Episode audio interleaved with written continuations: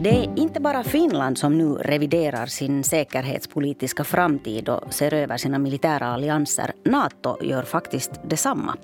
Och det är stora saker på gång inom Nato. På sommarens toppmöte i Madrid hamnar Finlands och Sveriges medlemsansökningar kanske bara på andra plats över intressanta frågor. Nato ska nämligen anta sin nya strategi. Och den här strategin den revideras med ungefär tio års mellanrum. Äh, den senaste är från 2010. Och sedan dess har det hänt en hel del i världen och i säkerhetspolitiken. Så vad är det då för ett Nato som Finland och Sverige eventuellt är på väg att träda in i? Det ska vi prata om i nyhetspodden idag. Jag heter Jonna Nupponen och med mig är Mike Winnerstig, chef på enheten för säkerhetspolitik vid Totalförsvarets forskningsinstitut i Sverige. Välkommen Mike. Tack så mycket. Kul att vara här. Natos strategi, ett hur viktigt dokument är det här? Alltså, det är ju ett övergripande dokument som i princip styr mycket av alliansens verksamhet. Men eh, som vi har sett nu på de här sista tio åren så har också detta dokument som då skrevs eller publicerades 2010 förra gången blivit väldigt daterat. Alltså det, mm. det, är inte alls ett dokument som egentligen idag spelar någon roll för, för Natos verksamhet. Och så här blir det ju med den här typen av väldigt övergripande styrande dokument. De tappar i aktualitet om det inte är så att de är väldigt generiskt hållna. Va? Så, så pass generiskt att de inte säger så mycket. Mm. Den stora grejen med det förra strategiska konceptet var ju till exempel relationen till Ryssland. Eh, jag vet inte om man ansåg i det dokumentet att Ryssland var en partner men det var väldigt nära i alla fall. Det, var, det fanns inget av problematiken som vi ser idag. Medvedev satt vid makten i Ryssland, Obama satt vid makten i USA och ingen av dem ville egentligen bråka med varandra. Och Obama tyckte tvärtom att nu är Ryssland fixat. Det är inte kanske optimalt demokratiskt men det är, det är en demokrati och det rullar på, det finns inga hot här och bara ett par år senare så drog också Obama hem nästan alla tunga förband från Europa mm. av amerikansk militär personal. Men vilken betydelse hade Nato i en sån här värld? Som ju en, Nato grundades ju ändå på något sätt för att vara en motvikt mot Eh, Ryssland, eller ska vi säga Sovjetunionen på den tiden i, i Europa. Men om Ryssland då inte längre var fienden så Nej, men det var ju det som ledde då till att Nato under ett antal år hade, jag ska inte säga en identitetskris, men Eh, man ville ju från flera håll, inte minst Obama-administrationen i USA, se Nato som var nyttigt för andra saker än det eh, territoriella försvaret av medlemmarna. För det menade man spelade nästan ingen roll längre utan nu var det internationella operationer i inte minst Afghanistan men också i andra länder som var de viktiga. Eh, 2011 hade vi operationen i Libyen som ju inte var Natos initiativ men som Nato fick ta över då för det var den enda organisation som kunde ratta den militäroperationen till exempel. Mm. Eh, och det var sånt man då trodde att Nato skulle hålla på med och det var också därför det här strategiska konceptet såg ut som det gjorde. Eh, nu kommer ju då, av allt att döma i alla fall, jag har inte sett några utkast på det här, jag har inte ens sett några läckor och tal men allting tyder på att det nya strategiska konceptet nu som ska antas och publiceras vid Natos toppmöte här i juni det kommer att vara betydligt mer traditionellt. Va? Där ter territorialförsvar av medlemsländernas territorium står i centrum. Där Ryssland förmodligen pekas ut som, om inte en fiende så i alla händelser en tydlig militär motståndare. Och där det förmodligen också kommer att skrivas en del eh, vassa saker om Kina. Så att ur den synvinkeln så är detta ett dokument tror jag som kommer att, inte minst för finsk del, ligga mycket bättre i linje med den traditionella finska synen på vad man har försvar till till exempel. Eh, när Sovjetunionen föll och försvann så då försvann också den fiende som Nato på sätt och vis grundades för i tiderna. Eh, nu är den tillbaka i form av Putins Ryssland. Är man idag överens inom Nato hur man vill hantera Ryssland? Jag skulle säga att förra året så var man absolut inte det. Det fanns en stor mängd väldigt skiljaktiga, skiljaktiga uppfattningar om hur man skulle se på Ryssland där flera länder inte såg egentligen något problem med, med Ryssland som, som land och som eh, aktör. Liksom. Efter den 24 februari däremot så har eh, nästan alla de länderna helt ändrat uppfattning. Och eh, det har inte funnits egentligen några protester mot eh, den väldigt skarpa politik som Nato har fört gentemot Ryssland efter anfallet på Ukraina. Men eh, det här är rätt så nytt då det, och det finns ju fortfarande vissa inbyggda beroenden mellan Ryssland och vissa NATO-länder. Inklusive Tyskland i och för sig som ett stort land men, men där man då nu håller mycket aktivt på att göra sig av med de här beroendena. Men andra mindre länder som Ungern till exempel, de har inte den förmågan riktigt och de kommer att vara beroende av ryska råvaror ett bra tag till och det spiller över då dessvärre på deras politiska inställning i stort. Men Ungern har också svängt drastiskt när det gäller synen på Ryssland, vågar jag påstå. Så att jag menar, vi, vi ser här en homogenisering, om vi säger så, av Natos uppfattning om Ryssland. Mm. Om Nato nu är på väg att vända fokus tillbaka till den här ursprungliga tanken om att medlemmarna kollektivt försvarar det egna territoriet och att man då ska vara en motvikt till Ryssland i Europa. Hur förändras Nato om man går tillbaka till den här ursprungstanken? Vad är det liksom som händer i organisationen? Ja, men jag skulle nog påstå att eh, den här utvecklingen har varit på gång länge. Det är bara det mm. att alla medlemsländer inte har riktigt varit överens om det. Men vi har sett ända sedan, egentligen ända sedan 2012 och definitivt efter 2014 med den dåvarande ryska attacken mot Ukraina så har Nato allt mer betonat detta med kollektivt försvar territorialförsvar och militär verksamhet i närområdet. Så att det här kommer att accelerera den processen men det är inte så att det inte har förekommit tidigare. Eh, och det här innebär att Nato kommer att bli mer likt Nato under det kalla kriget, alltså mer operativt, mer militärt samordnat, eh, mer inriktat på att möta och bekämpa en eh, primär och huvudsaklig motståndare, nämligen Ryssland i första hand. Och och den här utvecklingen kommer att fortsätta. Det har en tråkig sak med sig, nämligen att vi kommer att reversera en del saker som eh, blev verklighet efter murens fall. Då. Vi kommer förmodligen att se någon form av uppdelning av Europa igen med befästa gränser, eller i alla fall bitvis befästa gränser. En blockuppdelning av världen, kanske inte lika hård som den som fanns under det kalla kriget, men i alla fall vi kommer att se en viss, en viss återgång till den tidens strukturer. Mm.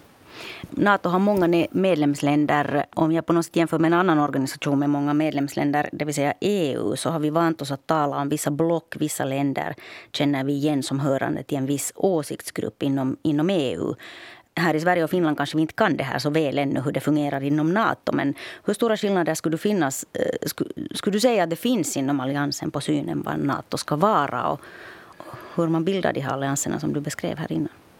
Det finns en stor skillnad mellan Nato och EU. Det är det att EU eh, saknar en naturlig ledare på samma sätt som Nato har en naturlig ledare. Så USA är ett land bland andra i Nato i princip. Även Island har vetorätt mot allting som USA säger i princip. Mm. Men det är också så i praktiken att USA är det ledande landet inom Nato och kan därmed också initiera en massa saker. Man kan bli stoppad från olika sådana i och för sig. Jag kommer ihåg när jag träffade den dåvarande amerikanska NATO-ambassadören för 10-15 år sedan eh, och han sa att hans uppgift var att hitta på saker som NATO kunde ägna sig åt för att sen samma eftermiddag se dem skjutas i småbitar av den franska NATO-ambassadören och sen blev det ingenting av med det. Så där håller det på inom Nato ofta. Frankrike är en annan spelare som vill ha en ledande roll inom Nato men som i kraft av sin storlek inte har kunnat ta det jämfört med USA. Mm. Så det, det, finns en strukturskillnad mellan Nato och EU i praktiken. Vad gäller blockindelningar och sånt så har det ju funnits, funnits lite grann samma sak där. Att sydliga länder är mer intresserade av att skydda sig från migrationstrycket från Afrika östliga länder, särskilt Baltikum, Polen och så där, har totalt fokus på hotet från Ryssland. Men nu har Ukraina-krisen då fört med sig, eftersom Nato har en stark militär sida, att det är det man fokuserar på. Vad är din bedömning? Hurdana spelare kunde Sverige och Finland bli i Nato?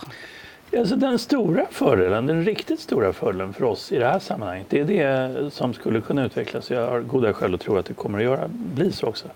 Det är att Finland och Danmark och Norge kommer att tillsammans med övriga Östersjöstater, men framför allt här i Norden, Skandinavien då, att kunna ha en väldigt integrerad form av militär förmåga som kommer att bli väldigt betydelsefull. Vi, har ju, vi är små länder allihop. Men tillsammans är vi ett relativt stort land och vi har modern, moderna krigsmakter även om de inte är jättestora. Och eh, i Norge, Danmark och Finland har man ju nu, håller man ju nu på att införa F35-systemet vilket blir väldigt värdefullt eftersom det är ett väldigt integrerat system. Dessutom starkt integrerat fortfarande med USA.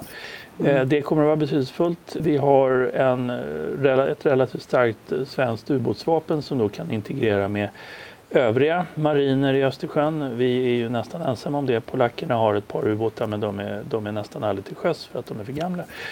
Och så vidare. Vi kan alltså både integreras och komplettera varandra inom den nordiska ramen, inom Nato så att säga. Mm. Och det var ju det som var omöjligt förr i tiden när, när vi hittade på en miljard olika särlösningar för Finland och Sverige därför att vi inte var med i Nato. Det var en massa olika lappverk av samverkansformer och olika avtal och så vidare som ändå inte ledde till det man egentligen ville ha, nämligen militär integration för gemensamt försvar av våra länders territorier. Men det kan vi nu uppnå inom Natos ram och det tror jag blir en, kanske, den kanske största fördelen för oss här uppe i Norden. Men jag känner att vi behöver prata om USA också här. Vi har mm. nämligen talat en hel del i, i, både Finland och Sverige om säkerhetsgarantier och den trygghet som ett fullt medlemskap i Nato skulle föra med sig. Men finns det viss risk att vi lite lurar oss här nu i ivern? Om två år kan makten i Natos ledande medlemsland USA skifta igen. Eh, och då skiftar kanske också ivern att försvara Europa i USA och kanske till och med ivern att överhuvudtaget vara medlem i Nato. Eh, det var väldigt nära under Donald Trump eh, att USA var på väg ut ur Nato. Vad står Nato inför då? Ja, nu har vi inte sett att det här blir verklighet än, men även mm. om det skulle bli det så kan vi gå tillbaka till Trump-administrationen och titta på vad den egentligen gjorde. Trump personligen då Eh, var inte förtjust i Nato. Han var inte förtjust i att överhuvudtaget betala en spänn till då försvaret av vad han såg som feta, rika, eh, halvsocialistiska välfärdsstater i Europa. Som till exempel Sverige och Finland. Men sen kan vi då titta på vad hans administration faktiskt gjorde och då ser vi att han höjde försvarsanslagen till försvaret av Europa. Han ökade dramatiskt antalet soldater, amerikanska soldater då, som på nästan permanent basis stationerades i Europa.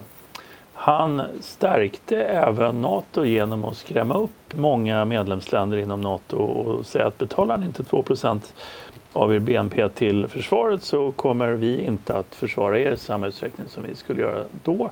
Och det fördubblade eller mer antalet NATO-länder som nu betalar 2% av BNP till försvaret.